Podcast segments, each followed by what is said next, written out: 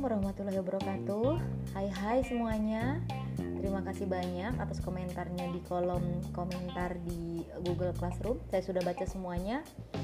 Pada intinya sih begini Ketika para pemegang kebijakan itu sudah eh, memiliki tanggung jawab Dan sudah menjalankan kebijakannya itu Tidak menyalahgunakan kekuasaan yang dimiliki insya Allah ke depannya akan menciptakan demokrasi yang harmonis, yang selaras dengan uh, masyarakat atau sesuai dengan demokrasi Pancasila yang ada di negara kita ini.